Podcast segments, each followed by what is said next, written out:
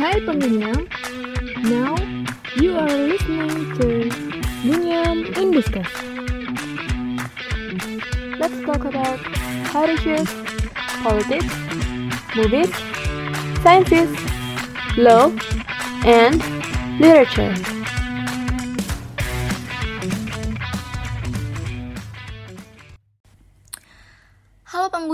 Ketemu lagi di Gunyam Indiskas episode 13 Pada podcast kali ini kita mau bahas isu spesial nih Karena pada bulan ini tuh momentum bisa dikatakan momentumnya perempuan lah untuk memperingati, merayakan juga sekaligus menyuarakan masalah-masalah yang sampai hari ini belum selesai.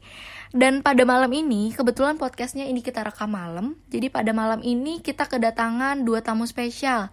Yang satu yaitu dari uh, kontributor setia Gunyam, yaitu Kak Agis. Beliau adalah kepala bidang riset dan informasi komunitas pena masyarakat dan satu lagi yaitu Sherlock uh, yang kebetulan juga beliau adalah autor Gunyam dan penggiat biologi. Baik kalau gitu, kita langsung kenalan aja sama mereka berdua. Pasti seru banget.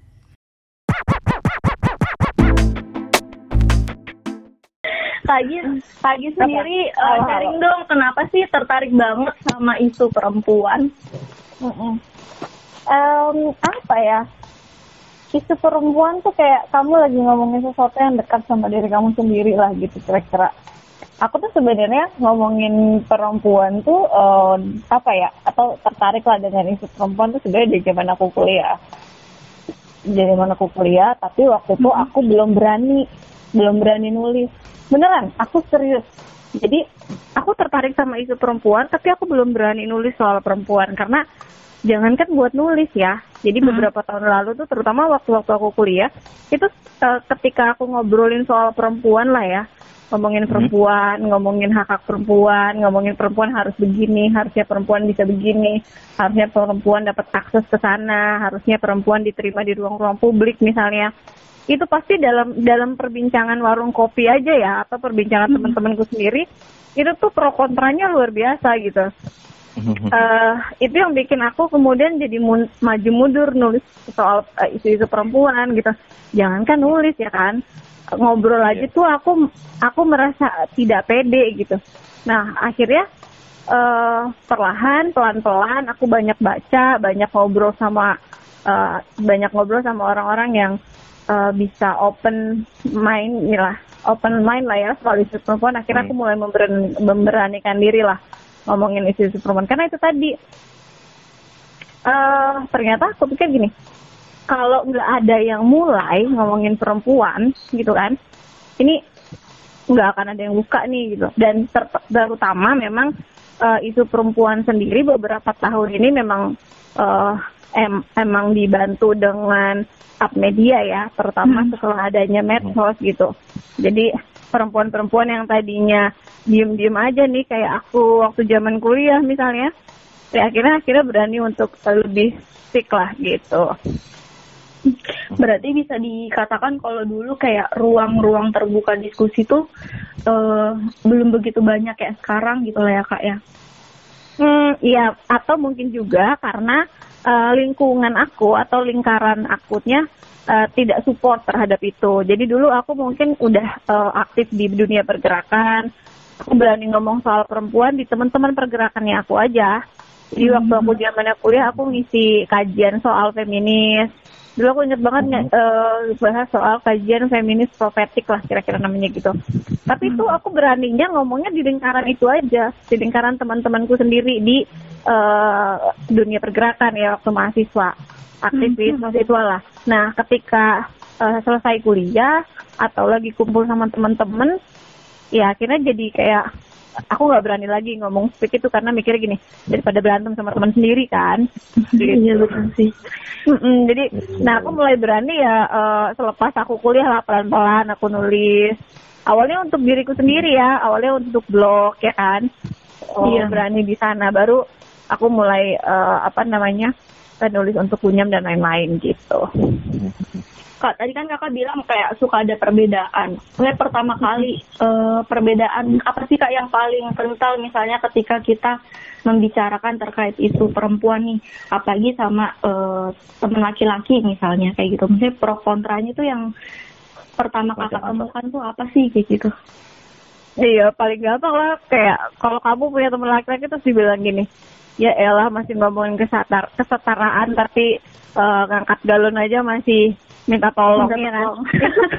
Ya kan. itu paling sering banget. Itu tuh simpel sebenarnya, tapi itu uh, itu tuh akhirnya membuat aku berpikir bahwa mereka tuh sebetulnya paham gak sih soal gender dan seks ah, sebagai ah, uh, jenis kelamin gitu loh orang tuh ngomongin kesetaraan gender tuh bukan berarti ngomongin perempuan sama laki-laki harus sama-sama angkat galon. Berarti ini sebenarnya mereka paham gak sih ngomongin gender dan jenis kelamin gitu. Nah, ya. di situ aku mulai mulai uh, terbuka gitu ya bahwa oke, okay, salah paham ini gitu ya, salah pahamnya hmm. teman-temanku awalnya ya. Hmm. Uh, lalu aku membuka mata ternyata uh, ternyata uh, hampir terjadi di di banyak uh, di banyak orang termasuk perempuan itu sendiri adalah salah memahami gender dengan jenis kelamin gitu. Jadi ketika kita ngomongin setara, setara, setara ya kan equality dan lain-lain itu orang masih berpacu kepada jenis kelamin. Kita tahu lah ya kalau perempuan itu kan perempuan dan laki-laki secara jenis kelamin itu memang berbeda. Secara biologis itu, beda ya. Ya, secara biologis ya, perempuan itu punya sesuatu yang sifatnya terberi sesuatu yang sifatnya ilahiyah dan tidak bisa lagi uh, secara kodrati memang terlahir begitu ya kan perempuan punya rahim, perempuan menyusui, perempuan uh, uh, menstruasi gitu kan. Sementara laki-laki kan tidak. Gitu. Itu kan itu kan sesuatu yang secara terberi ya. sifatnya itu kodrati. Sementara kalau kita ngomongin gender, gender itu kan konstruksi sosial uh, soal bagaimana kemudian uh, kamu sebagai uh, tadi uh, perempuan dan laki-laki itu hmm. disematkan uh, atribut-atribut. Misalnya kalau misalnya perempuan itu atributnya harus pakai rok, uh, perempuan harus uh, misalnya menggunakan ini, menggunakan itu laki-laki juga sama. Nah, itu kan konstruksi sosial.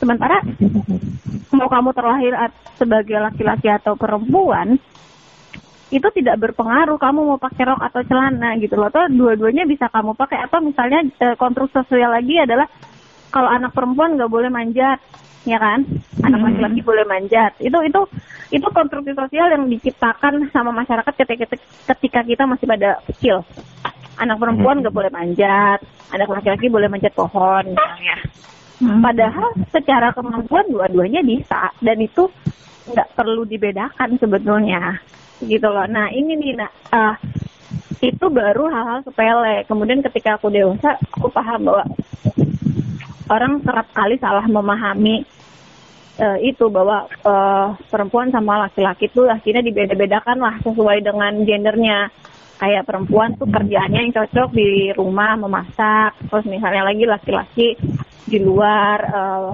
melakukan pekerjaan-pekerjaan yang menurut uh, definisi mereka adalah pekerjaan keras, pekerjaan kasar kayak gitu. Dan itu akhirnya menjadi terfragmentasi lah ya si perempuan akhirnya cuma bisa kerja di bidang-bidang tertentu. Terus laki-laki cuma di bidang-bidang tertentu. Padahal kan secara biologis itu nggak membedakan mereka gitu loh. Ya ya ya jadi uh, perbedaan gender itu pada akhirnya lahir dari uh, konstruksi budaya itu tadi ya kak ya konstruksi yeah. sosial tadi gitu. Mm-hmm. Karena kita dari kecil memang sudah uh, didoktrin lah ya ibarat ibaratnya seperti itu bahwa perempuan harus seperti ini, laki-laki harus seperti itu gitu. Jadi sampai yeah. besar dan itu menjadi mengakar gitu sampai sekarang. Ya gitu. itu ya itu tadi yang disebut dengan budaya patriarki itu. Iya. Yeah. Yeah, Dan bahwa Eh kenapa? Ya kayak kayak domestik uh, apa ya objek perempuan jadi objek do, domestik itu juga lahir dari konsumsi ya. itu tadi kayak ya. anak perempuan mainannya masak-masakan, anak laki-laki mainannya uh, bola mobil mobilan. mm -mm, mobil mobilan kayak gitu segala macam jadi itu yang akhirnya kita hidup di dalam konstruksi budaya itu tadi gitu ya kak. Iya itu hal-hal kecil yang banyak orang nggak sadar. Padahal uh, akhirnya um, baru benar-betul terasa ketika uh, katakanlah anak-anak itu uh, masuk ke dalam uh, lingkungan sosial yang lebih besar mereka kemudian jadinya terbatasi ruang lingkupnya perempuan terutama ya Hmm. Meskipun hari ini kemajuannya luar biasa, perempuan kan udah nggak lagi dibatasi soal pendidikan karena akses terhadap pendidikan semua sama.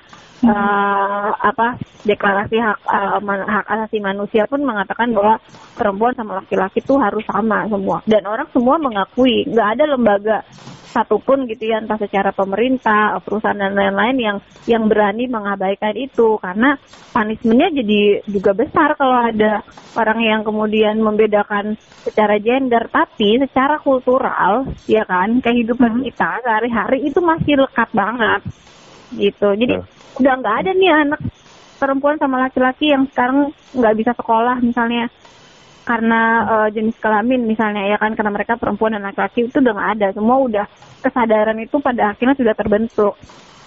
Uh, karena memang ada sistem uh, sosial yang sudah mengikat. Misalnya ada lahirnya deklarasi terus kemudian perusahaan tempat kerja sekolahan negara pun harus uh, harus mematuhi deklarasi itu. Tapi ternyata yang tadi aku bilang tadi secara kultural ternyata masih itu masih hmm. lengkap dan itu bukan sesuatu yang sulit atau itu bukan sesuatu yang gampang kita rubah hmm, begitu aja hmm. itu karena itu ya. di repro, karena itu terus direproduksi yang kemudian dianggap sebagai kebenaran dan sih kak iya hmm. uh, ya. terkait dengan ini tuh Mm-mm. karena memang akar sejarahnya itu memang kuno banget gak sih aku tuh baca bukunya si Susan Weisbauer yang judulnya sejarah dunia kuno hmm. itu memang sejak sebelum masehi aja uh, apa budaya patriarki ini memang udah tertanam kan karena gini dulu tuh raja-raja atau paroh-parohnya Mesir itu itu tuh selalu diambil dari galur cowok karena uh, ada ada apa ya, ada narasi bahwa ketika Ra menikah dengan Isis dan menghasilkan putra berupa Horus Horus ini yang menjelma jadi raja-raja Mesir dan dia selalu berinkarnasi ke putra, bukan ke putri. Jadi makanya kayak yang diizinkan punya privilege untuk mem memimpin uh, kekaisar kekaisaran kerajaan Mesir itu ya selalu cowok gitu sih. Dan karena akarnya sedemikian kuno, jadi kayak udah terlalu dalam menusuk ke uh, apa ya, ke benak seluruh umat manusia kayaknya sampai-sampai untuk uh, apa sih namanya untuk merekonstruksi ulang apa yang sudah dikonstruksi sama sosial selama tentang waktu yang panjang banget ini tuh kayaknya bakal menjadi effort yang butuh tenaga nggak cuma dari satu kalangan tapi kayak seluruh dunia gitu nggak sih? Betul. Iya, benar. Uh, sama uh, aku mau nambahin juga kayak misalnya kalau tadi kan di dalam uh, mitologi uh, apa Mesir ya tapi ya. memang secara sejarahnya pun begitu. Misalnya kalau kita ingat bahwa manusia purba itu hidupnya nomaden ya kan. Nah, hmm. ketika dia harus berpindah dari satu tempat ke tempat lain, dia uh, kemudian laki laki-laki itu bertugas untuk menjaga atau memburu ya karena kemudian hmm. si perempuan itu uh, itu perempuan dilindungi rahimnya itu mahal loh Hmm. Dia tuh yeah, iya, punya yeah. rahim yang mahal karena pada saat itu uh, yang terpenting adalah melanjutkan keturunan atau uh, jenis ya. Ya, ke, karena itu kan bagian dari uh, apa namanya? Ya uh, mereka untuk menjaga komunitas-komunitas mereka ya. Kalau namanya masyarakat nomaden zaman dulu kan kelompok kecil-kecil gitu ya untuk melanjutkan keturunannya mereka itu uh, si laki-laki tuh punya tugas memang untuk menjaga uh, komunitas gitu. Nah, si perempuan ini itu dinilai uh, mahal sekali karena pertama gini, mereka punya rahim. Di dalam satu komunitas misalnya, si perempuan di dalam satu komunitas misalnya laki-laki ini satu laki-laki dia bisa menghamili semua perempuan di dalam satu komunitas itu di dalam waktu yang bersamaan.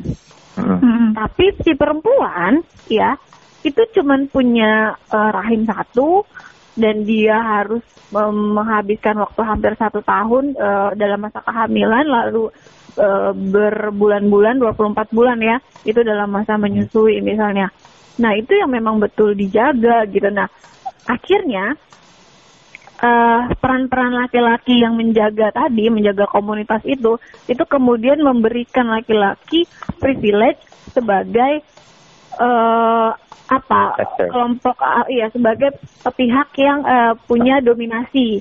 Karena hmm. ya itu tadi mereka punya tanggung jawab mereka, tadi. ya karena mereka ya, soal tadi gitu. Nah itu uh, bahkan akarnya ada di dalam mitologi ke, ya uh, ada di dalam mitologi di dalam sejarah manusia sejarah, purba iya, sebelum iya, masuk pada nah cuman ketika di uh, manusia modern itu kan um, jadinya jauh lebih beragam lah ya. Alasannya hmm. kan bukan hanya sekedar untuk melestarikan keturunan atau menjaga komunitas misalnya tapi kan itu udah soal budaya soal agama uh, kemudian lagi soal nilai-nilai ekonomi atau soal ada lagi untuk soal idealisme dan lain-lain gitu.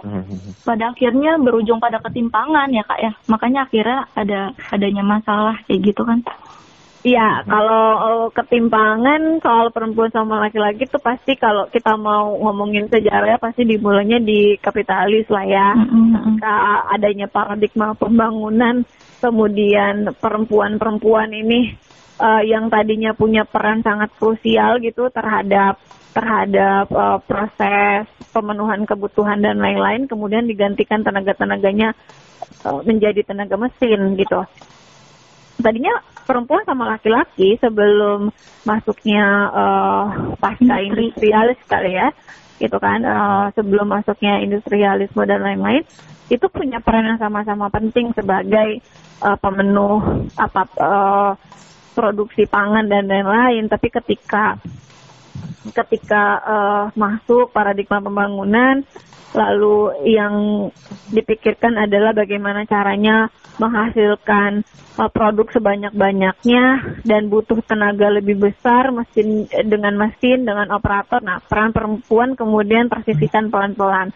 Itu itu uh, mungkin dalam sejarah uh, manusia modern yang dihitung secara ekonomi. Tapi kan kita ada lagi soal sosial budaya, agama dan apa. Iya iya iya ada banyak sih. Mm -mm, ada banyak. Kalau itu kan tadi dari budaya ya. Kalau misalkan share, kalau mm-hmm. kalau budaya kan konstruksi sosial masyarakat gitu kan maksudnya yeah. nilai yang lahir mm. dari masyarakat itu sendiri. Tapi kalau misalkan secara biologis selain jenis kelamin ya maksudnya ada nggak sih hal hal-hal perbedaan gitu antara perempuan dan laki-laki ini gitu? Maksudnya yang jadi pembeda selain jenis kelamin ya? Share. Mm-hmm. gimana kalau uh, biologisnya? kalau kalau dari sudut pandang biologi kan karena mempelajari makhluk hidup sebagai objek ilmu ya. Jadi kayak memang secara biologis uh, spesies yang namanya manusia ini hadir dalam dimorfisme jantan dan betina laki sama apa eh, perempuan perempuan gitu ya nah hmm. masing-masing hmm. mereka ini otomatis punya desain tubuh yang beda dan karena desain tubuhnya beda mereka punya peran-peran fungsional ter, ter, tersendiri di terhadap spesies mereka. Nah, uh, meski demikian, kalau menurut pandangan aku, walaupun konstruksi biologis dari jantan dan betina itu berbeda, tapi kan itu bukan berarti bahwa hak-hak asasi mereka itu harus didiskriminasi juga. Jadi kayak mm menurut aku sih feminisme itu bukan bukan soal uh, membuat semuanya menjadi sama, tapi uh, mengembalikan fitrah perempuan itu sebagai manusia. Soalnya uh, apa ya? Kalau kalau masalah secara biologis kan memang kayaknya kalau lu bukan orang buta lu bisa lihat kalau cowok sama cewek itu pasti beda dan otomatis perbedaan itu tuh punya tujuan dan tujuannya itu yang nanti membuat mereka itu punya peran masing-masing tapi tetap aja uh, mereka itu adalah spesies manusia yang sama yang punya hak asasi yang sama. Jadi makanya uh, kalau menurut pandanganku sendiri feminisme itu uh, lebih ke arah memanusiakan kembali perempuan sih ketimbang menjadi apa ya apa pengen menuntut over privilege karena pengen setara banget sama cowok. Karena kayaknya nah. memang secara biologis beda jadi kayak pasti mereka pun punya punya perbedaan dalam fungsi dan peran gitu sih. Iya, nah ini juga nih salah satu yang pengen uh, apa aku sedikit luruskan karena orang-orang banyak menganggap bahwa ketika perempuan ngomongin feminisme itu stereotipnya jadi apa? Perempuan tuh benci laki-laki perempuan super power. super power perempuan apa namanya iya. uh, dia tidak suka lembaga pernikahan misalnya dia being alone gitu kan uh, dia pengen hidup sendiri tanpa ada batasan-batasan. Nah ini sebenarnya yang yang aduh udah deh gitu kan ya. Kadang-kadang capek juga nanggepin uh, orang-orang yang begitu pesimis ngomongin feminis gitu ya. Padahal sekali lagi nih, aku selalu aku selalu nyebutin nih, feminis itu ya kan, atau feminisme itu tidak bermaksud mengganti uh, dominasi patriarki menjadi dominasi matriarki. Ini loh yang harus orang-orang pahamin. Ini tuh ini ini cuma soal uh, apa? Bahwa perempuan hari ini tuh ya harus diakui bukan hanya keberadaannya gitu ya sebagai bukan cuma keberadaannya sebagai manusia misalnya yang uh, punya hak-hak atas uh, hidup atas uh, akses terhadap uh, politik terhadap ekonomi gitu kan. Tapi pikirannya sebagai manusia yang uh, utuh misalnya atau pikiran-pikiran dia sebagai perempuan yang mengenal ketubuhannya sendiri itu pun harus hmm. diakui. Nah hari ini kan orang-orang ketika ngomongin feminisme gitu ya, itu hmm. astaga demi Tuhan gitu langsung ngomonginnya tuh karena kayak feminis tuh ada di wilayah abu-abu gitu sampai kayak orang-orang tuh ngomong ini sebenarnya orang-orang feminis tuh mau ngomongin apa sih? Gitu kan. Ini orang-orang ngomongin perempuan tuh sebenarnya pada ngomongin apa sih? Atau malah ada juga yang se yang lebih skeptis daripada itu. Ini sebenarnya ngomongin perempuan tuh dibuat-buat doang gitu. Ada yang anggap gitu itu cuma biar isinya rame aja. Ya Tuhan ya kan? Ya, ya, ya, ya, tapi ya, ya sudahlah akhirnya uh, kadang-kadang aku uh, lebih mengabaikan beberapa hal itu karena kadang-kadang capek juga gitu prejudis sih. Iya. Kadang-kadang capek juga. Akhirnya aku sekarang jadi lebih memfilter gitu ya. Oke okay, uh, nanggepin yang kira-kira masuk aja. Kalau emang kira-kira pertanyaannya aja udah salah ya kan? Atau iya, iya, pertanyaannya ya, ya, aja udah tepat maka jawaban aku akan sama tidak tepatnya gitu. Jadi mendingan uh, di skip dan uh, kalau emang ada yang mau bahas soal perempuan ya aku mau istilahnya lebih enak gitu ya diskusinya. Ketika memang uh, satu arah gitu loh. Diskusinya tuh satu arah. Kalau udah udah dua kepala dengan dua perspektif yang berbeda bedanya tuh beda banget ya. Bukan bukan cuman berbeda uh, tapi kemudian untuk saling memahami tapi yang udah dari awal tuh dia udah kayak uh, ngedoktrin pikirannya sendiri oh ya udahlah orang-orang feminisme cuman uh, cari isu cari tempat cari panggung gitu kan oh ya udah kalau aku sih lebih milih skip aja oh, oke okay, terima kasih kan gitu ya kita bahas yang lain aja ngomongin film ayo ya kan gitu Padahal sebenarnya niatnya tuh kita tuh hidup berdampingan yang cuma pengen berkeadilan aja ya nggak sih? Maksudnya yeah. sesimpel itu, sesederhana yeah. itu sebenarnya. Cuman atau minimal uh, lu tuh nggak bahasa aku ya lu tuh nggak skeptis aja sama diri perempuan gitu loh. Lu tuh nggak usah skeptis sama pikiran-pikiran perempuan gitu. Perempuan ketika dia punya ide dia punya apa pun itu nggak usah dibentrok-bentrokin sama peran dia sebagai ibu misalnya iya kan? Hmm. ah ngapain lu ngomong kayak gini pinter-pinter. Ntar juga ujung-ujungnya kalau udah jadi ibu mah nggak bakalan begitu. Ah kalau lu udah jadi ibu lu pasti bakal lagi mikirin anak lu begini-begini lu gak akan lagi ngomongin misalnya uh, gimana soal politik gimana soal partai gimana soal uh, hak-hak perempuan itu udah jadi ibu udah jadi aja. Nah ini yang kayak gini-gini yang kadang-kadang aku suka bingung jawabnya. Oke okay. aku cuman uh, mengucapkan terima kasih. Oke okay, terima kasih. Bye. Hmm, tapi akhirnya aku uh, apa? Mungkin mungkin kalau aku di umur 27, 25 atau selepas 25 tahun lah ya, itu aku masih menggebu-gebu banget loh. Aku tuh kadang-kadang merasa belum cukup ilmunya atau waktu itu pengetahuan sih soal uh, feminis gitu, bacaan-bacaanku tuh masih sedikit banget. Tapi ketika ada yang ngomong gitu, aku labrak-labrak aja semua karena emosi gitu kan. Iya, iya, iya.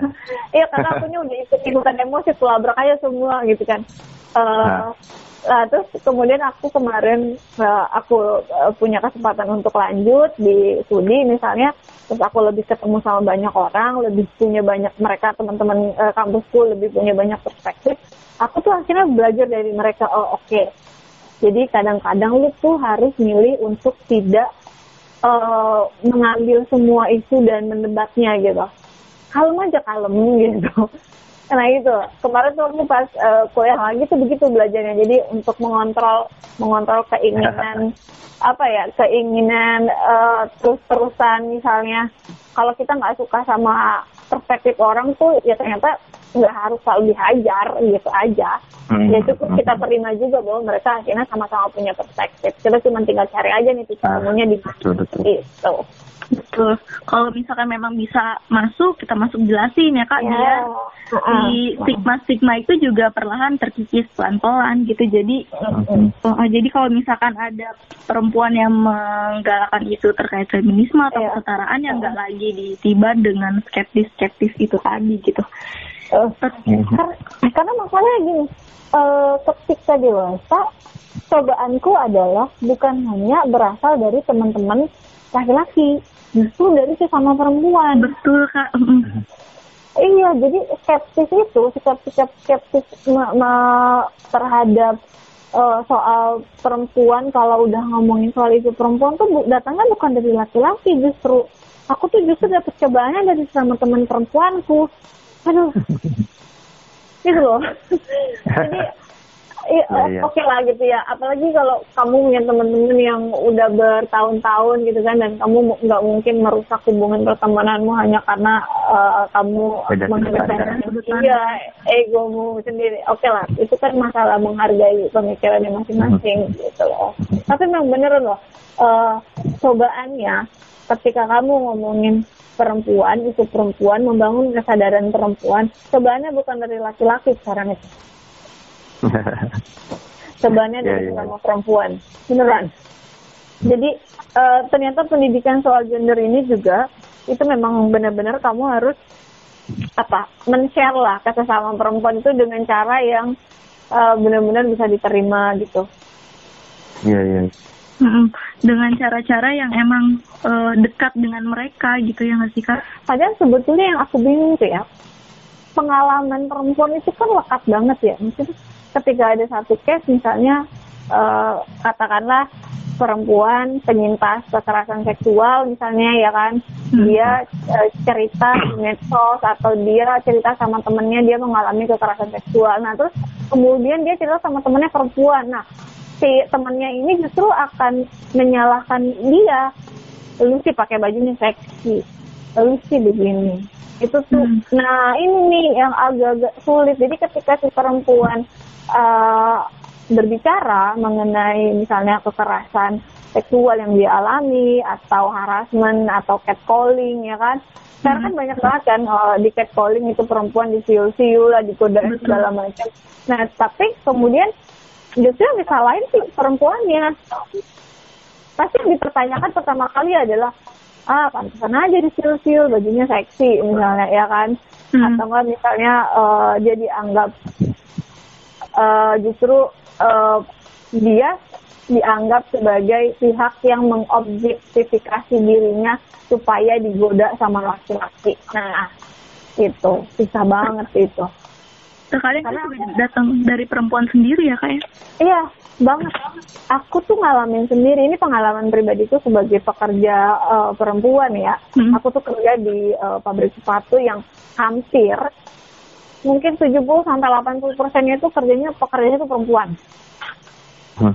Hmm, iya, jadi perempuan. ketika ada iya buruh perempuan, ketika uh, buruh perempuan ini misalnya digoda ya kan, digenitin sama orang-orang, ya, sama cowok-cowok lah ya di arena kerja atau di luar, sama supir angkot misalnya mereka lagi naik uh, angkot tuh sama tukang parkir dan lain-lain, itu nggak didukung. Harusnya tuh kalau mau tuh uh, ya tegur lah ya atau misalnya kamu ngeliat temenmu sesama pekerja itu digodain sama uh, orang lain misalnya. Entah dia uh, entah misalnya dia tukang parkir apa apa ya. Harusnya kamu bisa bantu menegur si laki-laki itu bukan kamu negur temenmu. Karena lu ngapain sih pakai baju sih begitu begitu banget? Nah itu jadi tidak bisa membangun semangat ke sesama perempuan ini loh yang agak sulit banget sekarang.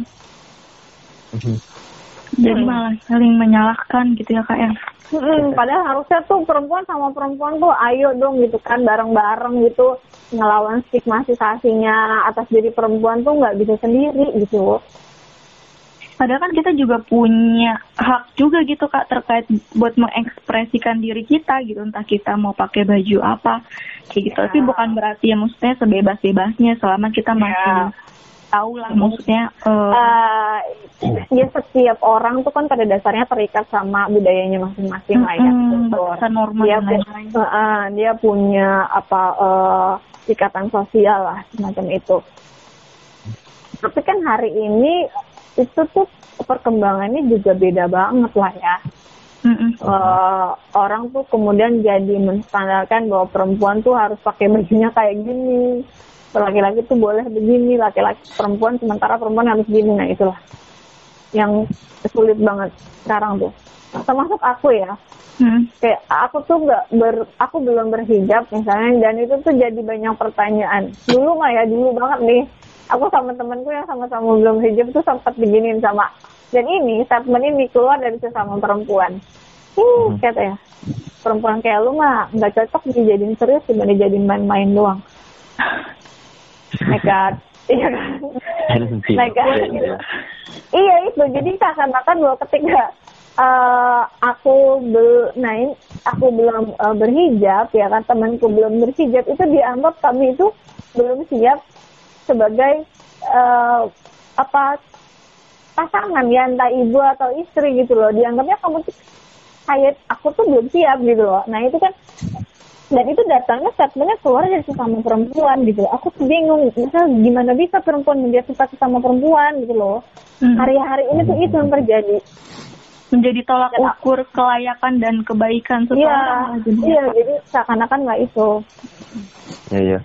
Jadi hmm. apa sih feminisme ini melawan dua sisi sekaligus gitu ya internal sama eksternal. Jadi kayak memperjuangkan berat sebenarnya yang, karena sebenarnya yang disebut dengan patriarkat itu kan bukan cuma laki-laki kan tapi juga uh, si perempuan. Pelaku patriarkat ini uh, ternyata ya bukan cuma laki-laki gitu. Hmm. malah aku tuh baru malah nih ya aku justru baru uh, riset kecil-kecilan deh. Di hmm. diriku sendiri sih yang namanya atau ngobrol lah sama teman-temanku berapa. Bahwa ternyata korban dari patriarki itu itu tuh laki-laki. Jadi serius jadi kemarin itu aku sempat bikin postingan mm-hmm. uh, di uh, bikin podcast gitu sama teman-teman di semantik ya kan? Itu isinya ngalor ngidul lah nggak jelas lah omongannya. Ada satu pembahasan sama teman-temanku ngomongin soal uh, waktu itu kita bahasannya soal candaan warung kopi ya kan candaan warung kopi waktu itu nyasar sih uh, posisi laki-laki soal uh, uang uang laki-laki itu uang perempuan uang perempuan itu uang perempuan Iya kan? Iya. Nah, itu rumus dasar rumah tangga ya. nah, itu waktu itu aku protes banget sama teman-temanku karena kebetulan waktu saya bikin podcast aku perempuan sendiri ya kan aku protes hmm. sama teman-temanku yang lain gitu kan nggak bisa kayak gitu ya kan? Tapi memang kata temanku yang lain stigmanya memang begitu. Nah akhirnya hari itu kita uh, nemu satu nemu satu kesimpulan kalau ternyata keberadaan mem ini tuh iya kalau menurut temanku ya kan nggak apa-apa kan dia bilang gitu. Jadi kan si laki-laki jadi semangat nyari duit supaya uh, yang tadi memenuhi kebutuhan si perempuan kan. Aku protes. Hmm. aku pikir uh, dan aku bilang gini seakan-akan bahwa di dalam lembaga pernikahan tuh perempuan yang jadi tirani gitu kan. Bahwa mm -hmm. uh, perempuan punya kebutuhan yang luar biasa besar sampai laki-laki harus bekerja dengan lebih keras. Nah ada satu pernyataan mereka yang gitu. Tapi kan perempuan laki-laki kan jadi lebih bekerja dengan keras. Jadi itu kan bagus dong kak Agis. Oke itu sisi positifnya. Bagaimana kalau yang terjadi sisi negatif ya kan? Laki-laki hmm. bisa korupsi. Nah hari itu pembahasannya cuma sampai korupsi doang aku pas pulang sepanjang jalan mikirin lagi loh enggak gitu deh gitu kan saya tadi tuh diskusinya nggak sampai situ deh harusnya. Nah, aku akhirnya di jalan tuh pikir gini, iya bener, karena gini, itu kalau sesi positif, kalau laki-laki misalnya uh, mencari jadi lebih semangat untuk mencari uang. Tapi kalau gimana kalau misalnya dia depresi, hmm. karena hmm. beban tadi karena hmm. uh, sebagai laki-laki kemudian dia dibebankan terhadap tanggung jawab yang dua kali lebih besar daripada perempuan misalnya hmm. terus tiba-tiba dia harus bekerja lebih uh, uh, keras misalnya sebagai ya karena dia punya tanggung jawab sebagai laki-laki entah dia sebagai suami atau sebagai anak laki-laki kan kita nggak hmm. ngomongin laki-laki sebagai suami doang di sini hmm. tapi kemudian gini gimana kalau ternyata efeknya jadi negatif uh, hmm. ya kalau dia itu jadi uh, pokoknya pilihannya cuma dua kalau laki-laki kalau dibebankan secara ekonomi yang luar biasa besar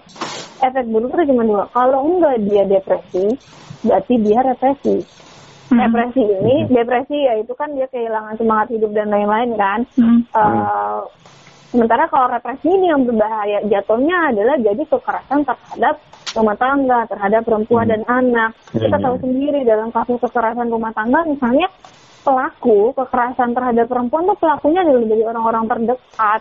Hmm. Aku tuh hmm. baru kepikiran oh iya ternyata kita selama ini kan selalu ngomong kekerasan terhadap perempuan, terhadap anak, ya kan? Ya. Hmm. Kita uh, menyalahkan dominasinya laki-laki lah. Sementara kalau aku mengurut ke belakang, ini karena si laki-laki itu dibebankan tanggung jawab uh, dibebankan uh, beban sosial yang besar banget gitu dan kemudian secara uh, fisik atau secara mental mereka ternyata tidak bisa atau secara kemampuan daya mereka tuh tidak mampu gitu loh. Nah untuk menutupi ketidakmampuannya mereka, ya mereka uh, berakibat dua tadi. Kalau nggak mereka depresi, ya mereka represi gitu loh. Nah hmm. akhirnya aku pengen banget ngebangun kesadaran kesesama perempuan gitu bahwa kalau misalnya kamu nggak berperspektif uh, feminis, minimal kamu adil deh sama uh, sama-sama perempuan dan laki-laki gitu ya, kayak misalnya soal tanggung jawab, soal nafkah, soal uh, peran, uh, apa iya soal peran itu harus dibagi dua rata, benar-benar rata. Kalau kamu membebankan itu pada salah satu yang kena dampaknya, itu tuh kamu juga sebagai perempuan. Ya, ya, ya. Ketika kamu ngalamin kekerasan, kamu nyalahin laki-laki gitu kan. Tapi hmm. kalau dibalik lagi ke belakangnya, uh, kamu pernah membangun peran apa, uh, membangun kesetaraan apa sama si laki-laki tadi, sama si laki-laki, entah itu sebagai suami atau sebagai uh, saudara laki-laki gitu ya. Hmm. Nah kan kekerasan itu kan gak cuma dilakukan sama suami ya, tapi hmm. iya, maksudnya tidak dilakukan hanya sama suami tapi ternyata sama uh, saudara laki-laki ya kan ada kan kasus-kasus kita nggak ya. dengarnya kayak gitu nah. anak kepada ibu gitu iya gitu anak kepada ibu lah pokoknya uh, itu karena kan tidak terbangunnya tidak terbangunnya kesadaran juga jadi perempuan ini karena dia sudah terbiasa dengan uh, dominasi patriarki tadi mm -hmm dia tuh juga sebenarnya nggak sadar kalau ternyata dia jadi pelaku patriarkinya. Nah ternyata hmm. korbannya adalah laki-laki di dalam keluarganya, gitu. Yeah, yeah. Sementara, uh, uh, jadi kompleks banget kan ngomongin perempuan. Dan iya, iya. teringatnya kak, si laki-lakinya juga yang karena si budaya patriarki itu tadi, jadi dia juga merasa bahwa e, eh, gue punya power yang gue nggak boleh lemah iya. juga gitu, karena gue perlu bertanggung jawab, belum lagi bertanggung jawab pada keluarga istri, uh, istrinya dan juga pada keluarganya misalnya yang dia tulang pung uh, notabene dia tulang punggung keluarga gitu sebelum dia menikah gitu maksudnya okay. itu menjadi kayak dilema nggak sih di posisi laki-laki ya kalau aku ngebayanginnya kalau misalnya yeah. kita si hmm. perempuannya uh, di meletak apa ya kayak mengaminkan budaya patriarki itu tadi gitu iya justru kan kalau kita misalnya sayang sama Eh, laki-laki uh, di dalam kehidupan kita, entah suami atau saudara, harusnya kesadaran itu bisa kita bangun untuk hmm. setara tadi, gitu loh.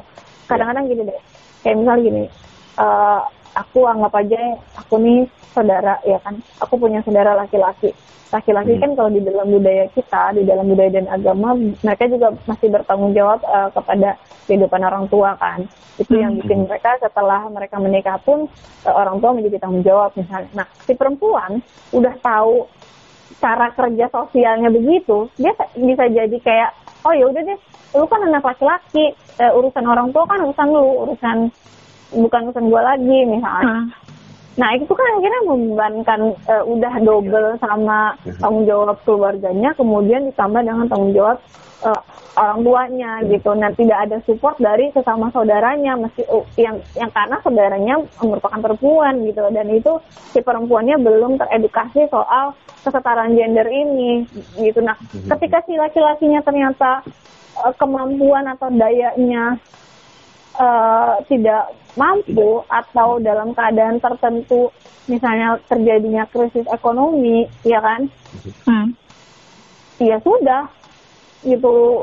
Kita tidak bisa lagi membayangkan gitu kasus-kasus kekerasan rumah tangga itu pemicunya kan rata-rata karena ekonomi. Terlantar anak ya kak ya. Akhirnya hmm. menjadi masalah yang bercabang. Iya bang gitu. Iya. Padahal aku pernah dengar sih maksudnya ya, betul uh, inget juga gitu dulu waktu di kantor awal-awal masuk kantor kan kayak ada seminar-seminar gitu. Mm-hmm. Jadi ada salah satu pemateri yang berbicara bahwa uh, laki-laki itu sapi perah, perempuan itu pemuas, alat pemuas gitu. Dan kebetulan mereka dan kebetulan pemateri itu mengambil pengambil, mengambil suara voting gitu. Siapa yang setuju, siapa yang enggak. Aku tentu aku yang paling di kelas itu cuman berapa orang yang nggak setuju dan kenapa argumennya gitu. Dan aku sebel sama laki-laki yang mengangkat tangan bahwa mereka setuju disebut sebagai sapi perah gitu loh kak ya aku yeah. sendiri bahwa kayak yang kok lu mau sih disebut sapi perah? gitu. E, tanggung jawab e, keberlangsungan hidup itu kan sebenarnya tanggung jawab bersama gitu. Maksudnya tanggung jawab kita sebagai e, perempuan dan juga laki-laki. Karena itu bukan cuman keberlangsungan hidup uh, si laki-laki aja atau misalkan cuma kita doang perempuan kan enggak gitu. Saya aku berargumen lah maksudnya nggak hmm. sepakat karena itu tadi gitu. Maksudnya kurang lebihnya yang kayak kakak jelasin kayak gitu. Jangan bahwa kita punya sama-sama tanggung jawab. Nah, gitu. jangan kan ngomongin satu perah ya. Waktu zaman sekolah aja aku protes banget kalau teman laki-laki aku nih, teman-teman aku yang laki-laki itu disebut sebagai tukang ojek karena ngantar jemput pacarnya. Ya kan jangan satu perah aku yang waktu sekolah mendengar temanku dibilang tukang ojek karena harus nganter jemput pacarnya aja kesel banget ya kan?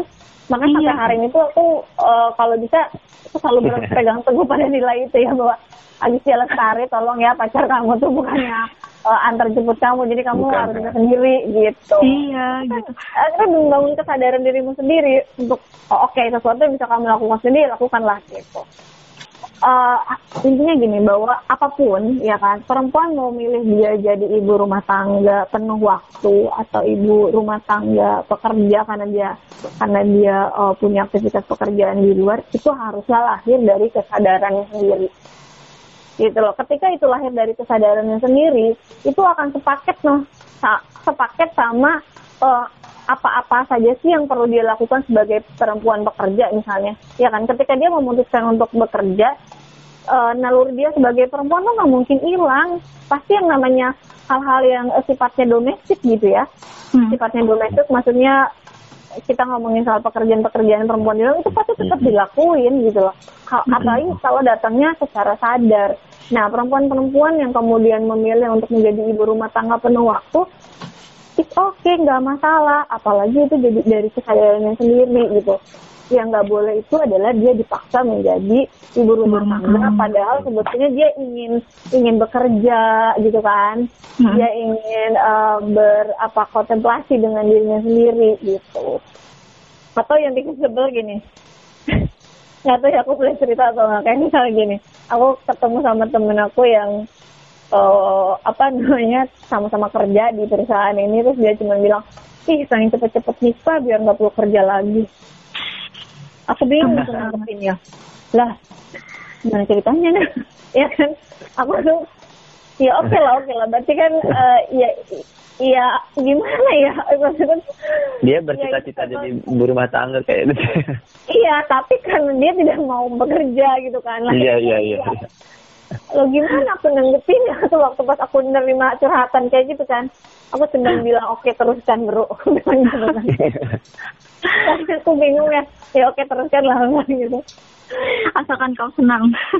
Asalkan kau senang gitu kan kalau kalau misalkan di lingkungan share lo gimana share? Maksudnya kan e, da, hmm. sebagai posisi cowok juga gitu. Maksudnya dalam menerima apa ya? Maksudnya stigma stigma terkait uh, feminis dan patriarki ini maksudnya di lingkungan lo pribadi gimana sih? Di lingkungan pergaulan lo atau sudut pandang lo sendiri gimana sih kayak menilai ini? Uh, lingkungan gue sih kayak yang masih berpegang teguh sama prinsip patriarki sih kayak uh, cewek cowok itu uh, terpisah. Dan memang apa-apa yang distigmakan kepada cowok itu memang itu jadi sesuatu pakem. Memang kalau lingkungan gue masih yang kayak gitu sih saya bu. Saya bu. Hmm. dan Tapi dan ya tadi uh, gue berharapnya nanti mendengar podcast ini tuh nggak cuma dari kalangan cewek feminis aja tapi kayak cowok-cowok juga kayaknya penting dengar obrolan saya buku sama Kak Agis tadi. Gue rasa penting banget sih buat mereka tahu. Jadi kayak pengetahuan ini gak cuma tersampaikan ke aku doang. eh, iya bener. Harus ini tuh ini tuh udah usaha aku keberapa ya untuk ngajak teman laki-laki gue yang yang uh, belum tercerahkan itu. Karena aku pernah nulis nah. juga, tapi waktu itu tulisannya aku simpan di blog. Judulnya uh, menjadi laki feminis, why not gitu. Jadi aku pernah nulis juga waktu itu. Jadi ya kenapa iya, iya. sih harus harus nih malu gitu ketika kamu punya pemikiran soal kesetaraan gender. Oke lah, bahasa feminis itu kan kesannya memang uh, aktivis banget lah ya, aktivisme kayak kesannya tuh sesuatu yang wah kayak perlawanan banget gitu ya. Ya, atau yang ngomongin feminis nih ini aktivis nih gitu kan. Padahal hmm. kita ganti aja gitu kalau emang gak nyaman dengan sebutan feminisnya yang ngomongin soal perempuannya lah, adil kepada perempuan atau kesetaraan gender gitu kan ya lebih kesetaraan gender sih. Ya, istilah yang amannya ya. kayaknya ya. Yang sesuatu yang enggak uh, orang kan hari ini hari ini tuh ya uh-huh. nggak banyak juga yang mau dilabeli sebagai feminis gitu. Karena tadi feminis kan berkembang di uh, di dalam masyarakat terutama setelah ada medsos lah ya. Itu kan hmm. macam-macam tuh. Oh, jadi kayak macam-macam aliran sendiri tuh. Ada feminis yang uh, udah beda-beda lah gitu. Uh-huh. Jadi punya alirannya masing-masing juga. Iya iya iya. iya.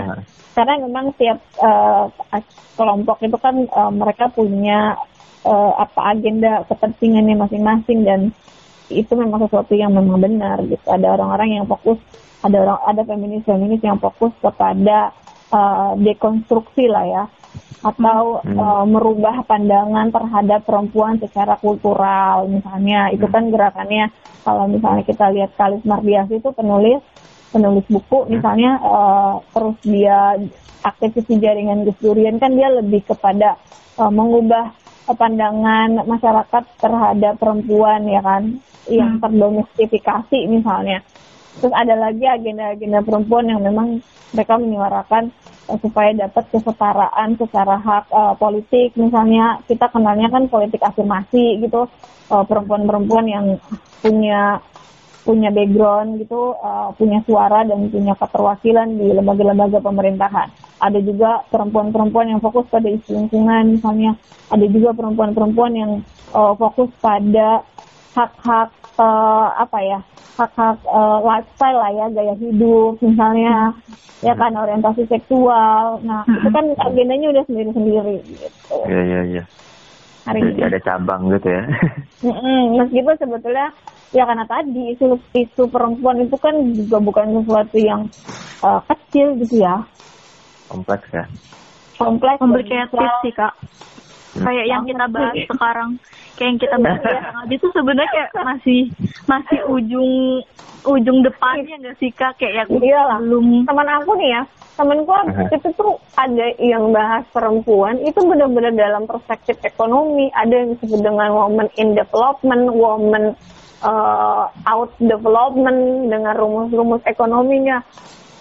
Aku aja ya belum sampai sana gitu. Bahasan-bahasan perempuan. Iya aku aja tuh belum sampai sana. Aku baru istilahnya gini. Aku tuh baru sampai per, aku tuh baru di permukaan lah kira-kira kalau ngomongin perempuan. Karena pertama aku nggak pernah uh, mendalami studi perempuan atau studi kebijakan perempuan yeah. lah ya. Teori-teori uh, feminis gitu ya. Iya, aku kan belajar secara parsial secara sendiri. Uh, baca-bacaan yang ku baca sendiri misalnya. Dan itu kan nggak cuma dari teks ya. Kadang-kadang kamu nemu novel yang ternyata uh, ini tuh sebenarnya Iya, isinya feminis banget kayak novel-novelnya uh, siapa? Hmm, kurang deh kayaknya menurutku. Oh, kurang ya. Oh iya. Indonesia Ayu Utami Kurang, Kak. Ayu Utami, ada Ayu Ayu Utami, ada Oki Madasari. ada Oki Madasari, ada Laksmi Pamuncak misalnya. Ya kan? Apa aku bener nggak sih nyebutnya Laksmi yang penulis Amba? Iya, Laksmi apa ya? Iya. Terus iya. ada eh Laila eh. Juri misalnya. Juga Oka Rusmini. Oka misalnya. Rusmini. Iya. Itu kan mereka Nah. konsisten loh. No, no, walaupun dia novel, tapi sebetulnya isinya adalah soal isu perempuan gitu. Nilai-nilainya ya Kak. nilai-nilainya itu dia mengangkat eh, mengangkat eh, suara perempuan lah ya di dalam novel-novelnya. Ada yang suara-suaranya terbungkam misalnya, ada yang mereka mengalami kekerasan. Itu kan mereka em, apa namanya mereka jadikan dikemas sebagai sebuah cerita yang menurut aku jauh lebih bisa eh, menyentuh gitu. Karena kan punya segmennya masing-masing. Karena aku rasanya ini pikiran iseng aku ya. Kayak tiba-tiba aku komplain sama temanku gitu. Kenapa sih misalnya hantu-hantu tuh harus direpresentasikan sebagai perempuan-perempuannya kan? Iya juga ya. Itu kayaknya kita Pocong mumun kan cewek ya. ya, pocong mumun. Kuntilanak juga cewek. Kuntilanak juga cewek. cewek. Bolong Iya iya. kan? Iya. Ngesot, eh siapa sih yang ngesot? Suster ya? Susternya Iya. cewek. kan Karena suster gak ada cowok, padahal suster ada cowok kan ya? Iya, jadi kenapa? Iya, ini ini ini bagian dari pertanyaan aku. Iya. Gara-gara gini, eh aku sebel banget ngomongin kenapa sih hantu-hantu perempuan luar eh hantu-hantu tuh di dalam film misalnya ya itu atau di dalam legenda-legenda kita tuh harus perempuan Perempuan. pokoknya gitu loh iya bahkan di dalam mitologi Nani aja em, siapa namanya Medusa itu kan Medusa iya. Perempuan. itu perempuan. Iya. Padahal aslinya, padahal kenapa sih awalnya Medusa tuh bisa sampai jadi monster rambutnya rambutnya ular? Karena kan dia cuma nolak cintanya Poseidon. Hmm. Mhm. Jangankan di mitologi Yunani kak, di Harry Potter aja hantu tuh perempuan ingat di sisi Marvel merana. Ya. eh, tapi tapi kalau di kalau di Harry Potter ada Baron berdarah, ada Iya, yang iya. kepala hampir putus. Itu Iya porsi, sih. porsi porsi hantunya masih masih Agak balance. Berarti sebenarnya ya. di Harry Potter Iya, iya kan aman lah ada ya. nih kepala hampir putus ya kan itu penting banget Iya, tuh iya. posisinya. Terus ada baron berdarah yang ternyata nunjukin si uh, Deden si tiaranya Ravenclaw itu. Itu kan Mhm. juga Ravenclaw ya. Iya. Lah, cuma di Indonesia sekalinya ada laki-laki jelek banget tuyul. Gundurwo, eh Gundurwo tuh cewek apa cowok sih? Cowok, cowok. Cowok ya? cowok, cowok, bener tuh cowok. Wewe gombel yang cewek, yang apa? Wewe gombel ya. eh, cewek, kenapa perempuan? Lalu ada satu, aku lupa ya, entah itu buku, artikel atau uh, YouTube gitu waktu itu bahas soal ini. Ternyata kenapa sih perempuan itu kemudian digambarkan sebagai hantu-hantunya di dalam uh, budaya masyarakat Indonesia? Mhm. Karena Kenapa karena eh, ternyata korban perempuan itu korban. Coba lihat, kuntilanak itu korban. Iya, iya. Eh, terus Sundel bolong korban. lagi? Sundel bolong itu korban. Uh, Gombel korban. itu susternya itu korban. Wewe Gombel itu juga korban karena dia kehilangan anaknya misalnya. Ya kan? Hmm. ternyata juga korban. Kenapa kemudian dia harus jadi jadi hantu? Karena ternyata ketika mereka hidup mereka tidak bisa mengatakan atau tidak bisa menyuarakan uh, penderitaannya, tidak bisa Ah. mengatakan itu. Jadi eh, kemudian iya itu tadi.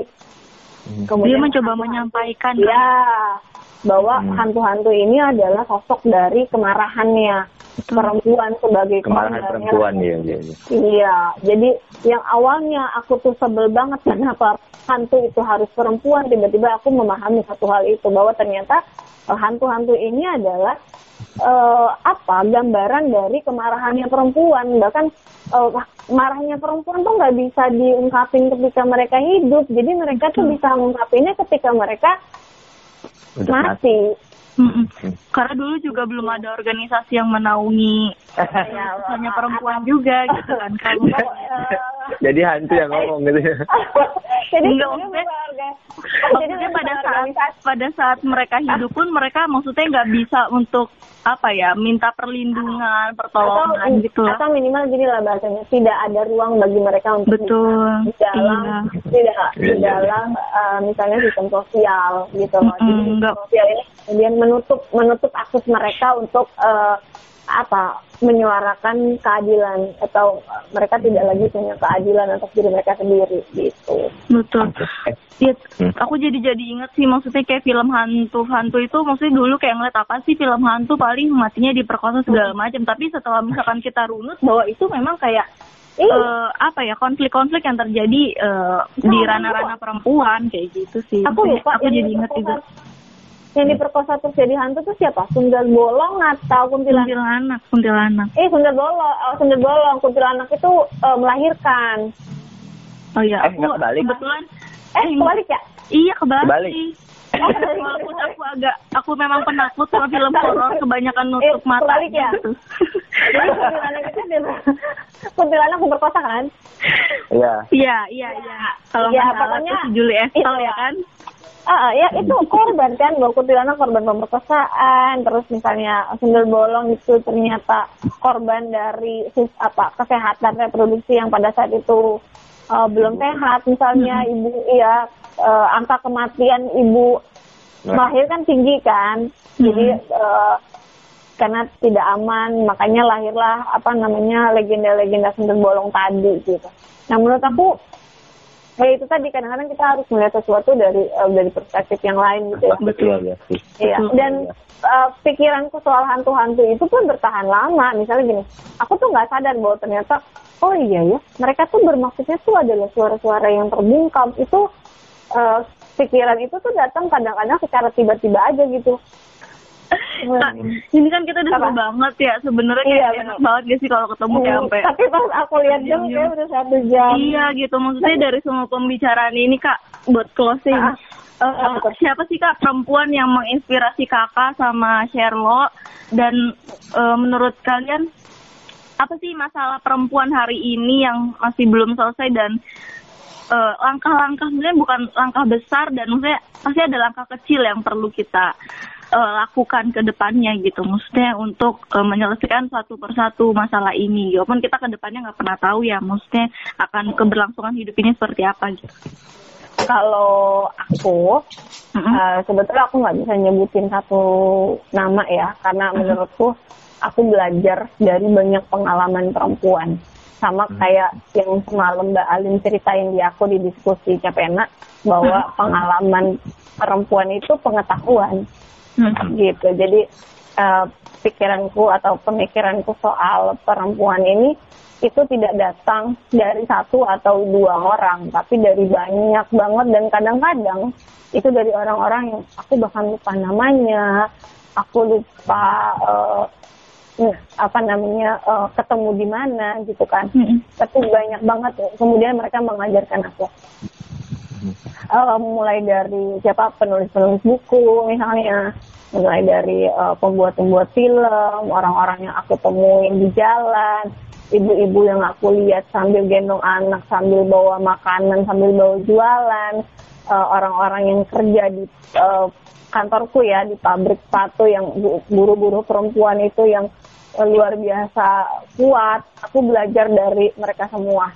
Dan kupikir uh, hidup kita akan jadi jauh lebih baik kalau misalnya kita menanamkan apa kesadaran bahwa perempuan itu harus mendapat akses yang sama terhadap ruang-ruang publik misalnya gitu. Oke untuk Sherlock gimana Sher?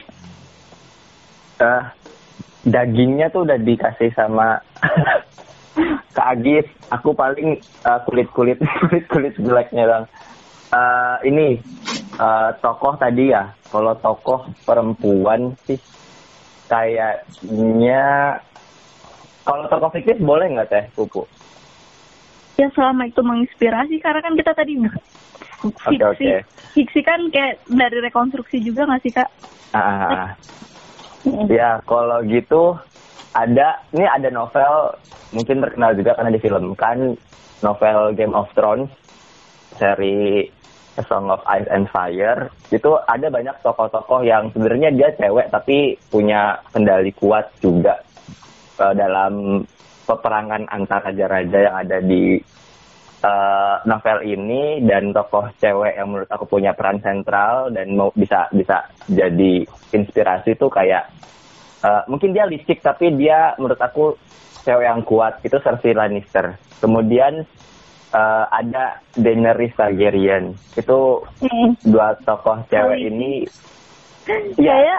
Halisi. Uh. Kayaknya kita harus bikin podcast kalau perempuan-perempuan di Game of Thrones nih. Betul. karena yeah, karena yeah, kalau yeah, kamu ngomongin nyebutin Cersei, nyebutin Daenerys karena um, aku ngefans berat sama Sansa Stark. oh iya. Oh, dan dan Sansa Stark. Akhirnya aku ngefans sama Sansa Stark juga. Soalnya Uh, aku dari dia, awal, aku dari dia belajar, awal. ya dia dia dia yeah. polos, dia bener-bener apa citra cewek cewek yang cewek banget tuh bener-bener dia ya, citranya. Ya, kan? Hmm, kemudian pada akhirnya dia menerima kehidupan, belajar dan akhirnya dia jadi cewek yang kuat. Punya power. Bahkan gitu. jadi Queen of the North kan. Betul. Iya. Hmm. Hmm, makanya harus punya edisi khusus ngomongin perempuan-perempuan di Game of Thrones. Siap, siap, siap. Kalau aku, aku tetap ngefans sama Khaleesi sih, sampai semua medsos aku sampai ada nama Khaleesi gitu. Asik. Iya memang tokoh-tokoh cewek yang dimasukin di Game of Thrones itu bagus-bagus.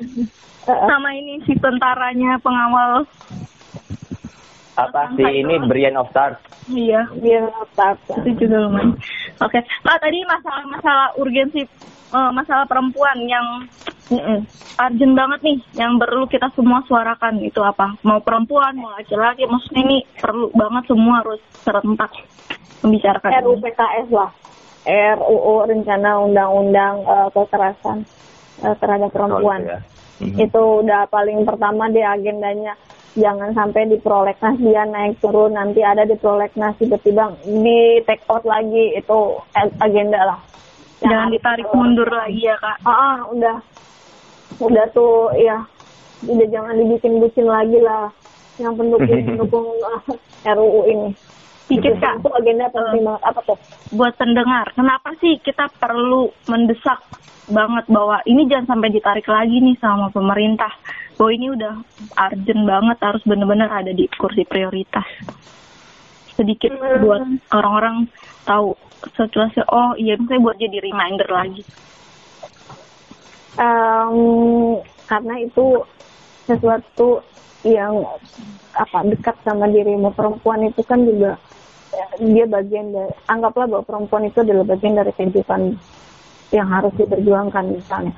Agak hmm. sulit memang mendukung RUU PKS karena pertama pengalaman-pengalaman kekerasan seksual itu itu uh, apa ber, apa harus berdasarkan uh, pengalaman indrawi misalnya. Kamu tuh biasanya melihat atau merasakan atau melihat atau menyaksikan lah ya kalau kamu tidak mau tidak sebagai menyaksikan dan uh, merasakan sendiri itu memang sulit sekali untuk berempati terhadap RUU PKS ini gitu. Tapi sekali lagi bahwa ketika kamu membayangkan kehidupan yang lebih baik untuk perempuan, uh, ada apa secara sistem sosial perempuan dilindungi, ya kan? Hmm. Itu harusnya kamu bisa uh, ikut berjuang bareng-bareng sama kita. gitu. Betul. Semoga baik.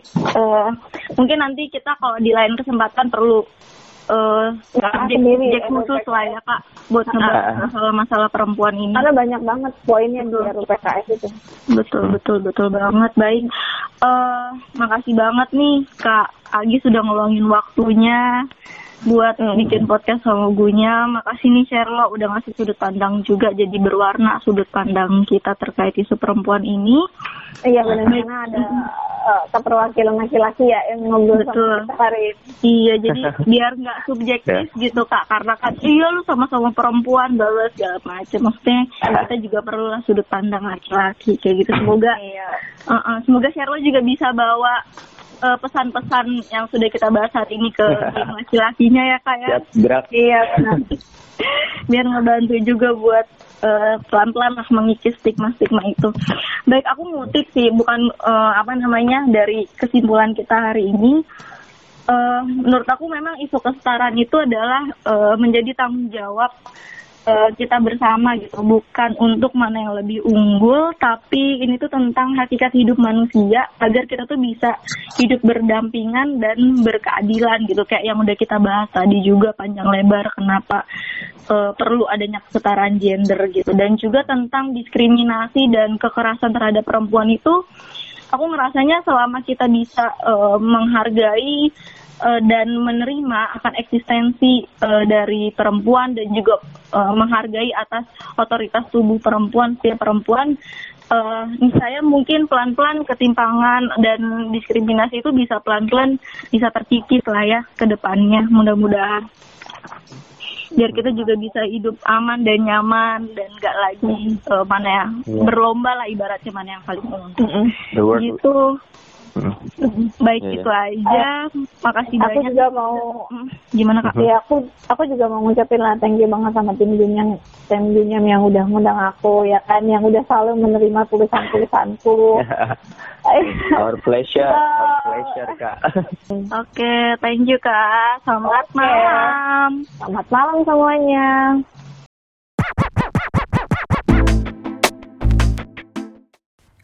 Terima kasih buat teman-teman yang sudah mendengarkan podcast ini sampai selesai. Semoga nanti kita punya kesempatan lagi untuk ngebahas isu-isu perempuan lebih detail lagi. Dan buat teman-teman yang mau banget nih jadi teman diskusi kita, nanti tinggal DM aja ya di Instagram Gunyam, nanti akan kita jadwalkan untuk podcast-podcast berikutnya. Oke, sampai ketemu lagi di episode-episode selanjutnya.